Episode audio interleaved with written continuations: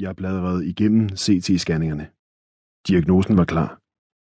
Lungerne var dækket af utallige tumorer. Ryggraden var deformeret, og hele den ene leverlap var udslettet. Kraft med omfattende spredning. Jeg var neurologisk turnuslæge og havde netop påbegyndt mit sidste turnusår. I løbet af de seneste seks år havde jeg undersøgt adskillige af den slags scanninger i forsøget på at finde den usandsynlige behandling, som kunne hjælpe patienten. Men denne scanning var anderledes. Den var min egen. Jeg befandt mig ikke i røntgenrummet, iført operationstøj og hvid kittel. Jeg havde patientskjorte på, var lænket til et IV-stativ og sad og så på computeren, som sygeplejersken havde efterladt på hospitalstuen. Jeg var sammen med min kone, Lucy, der var speciallæge i intern medicin. Jeg gennemgik hver enkelt billedsekvens igen. Lungevinduet, knoglevinduet, levervinduet. Jeg scrollede fra top til bund, fra venstre til højre, forfra og bagfra, nøjagtigt som jeg havde lært at gøre, som om jeg forventede at finde noget, der kunne ændre diagnosen. Vi lå på samme hospitalsseng. Tror du, der er nogen som helst mulighed for, at det kunne være noget andet? spurgte Lucy stille, som om hun læste op fra et manuskript. Nej, svarede jeg. Vi holdt hinanden tæt, som unge elskende. I løbet af det seneste år havde vi nægtet at tro på, eller så meget som diskutere vores fælles mistanke om, at jeg havde en eller anden form for kræft.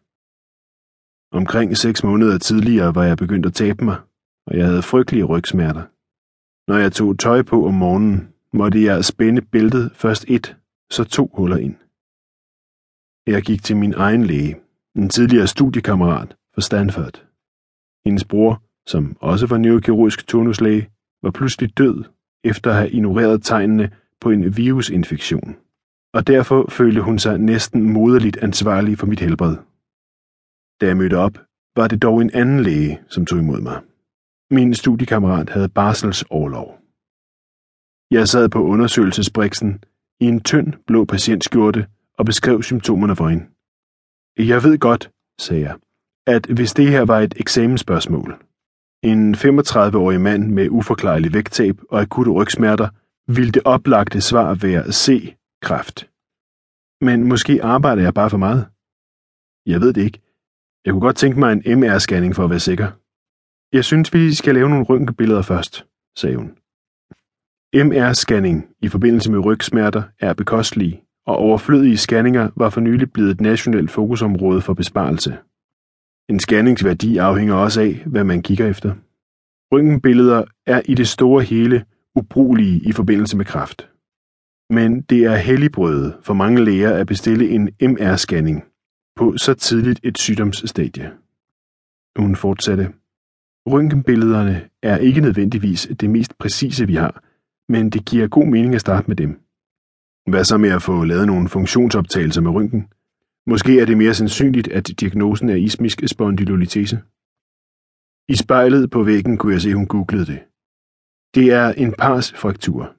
Den rammer op til 5% af alle mennesker, og det er en almindelig årsag til rygsmerter hos unge. Okay, så bestiller jeg dem, sagde hun. Tak, sagde jeg. Hvorfor var jeg så selvsikker i kirurgkittel og så usikker i patienttøj? Sandheden var, at jeg vidste mere om rygsmerter, end hun gjorde. Halvdelen af min neurokirurgiske uddannelse handlede om rygsygdomme. Men måske var spondylolitese det mest sandsynlige. Det rammer faktisk en betragtelig procentdel af unge voksne. Og at få kræft i rygsøjlen som 30-årig. Sandsynligheden kunne højst være 1 ud af 10.000. Om det så var 100 gange mere almindeligt, ville det stadig være mindre almindeligt end spondylolitese. Måske var jeg bare i gang med at skræmme livet af mig selv. Røntgenbillederne så fine ud.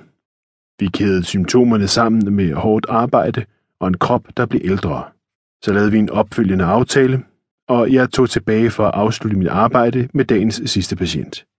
Vægttabet aftog, og rygsmerterne var til at leve med.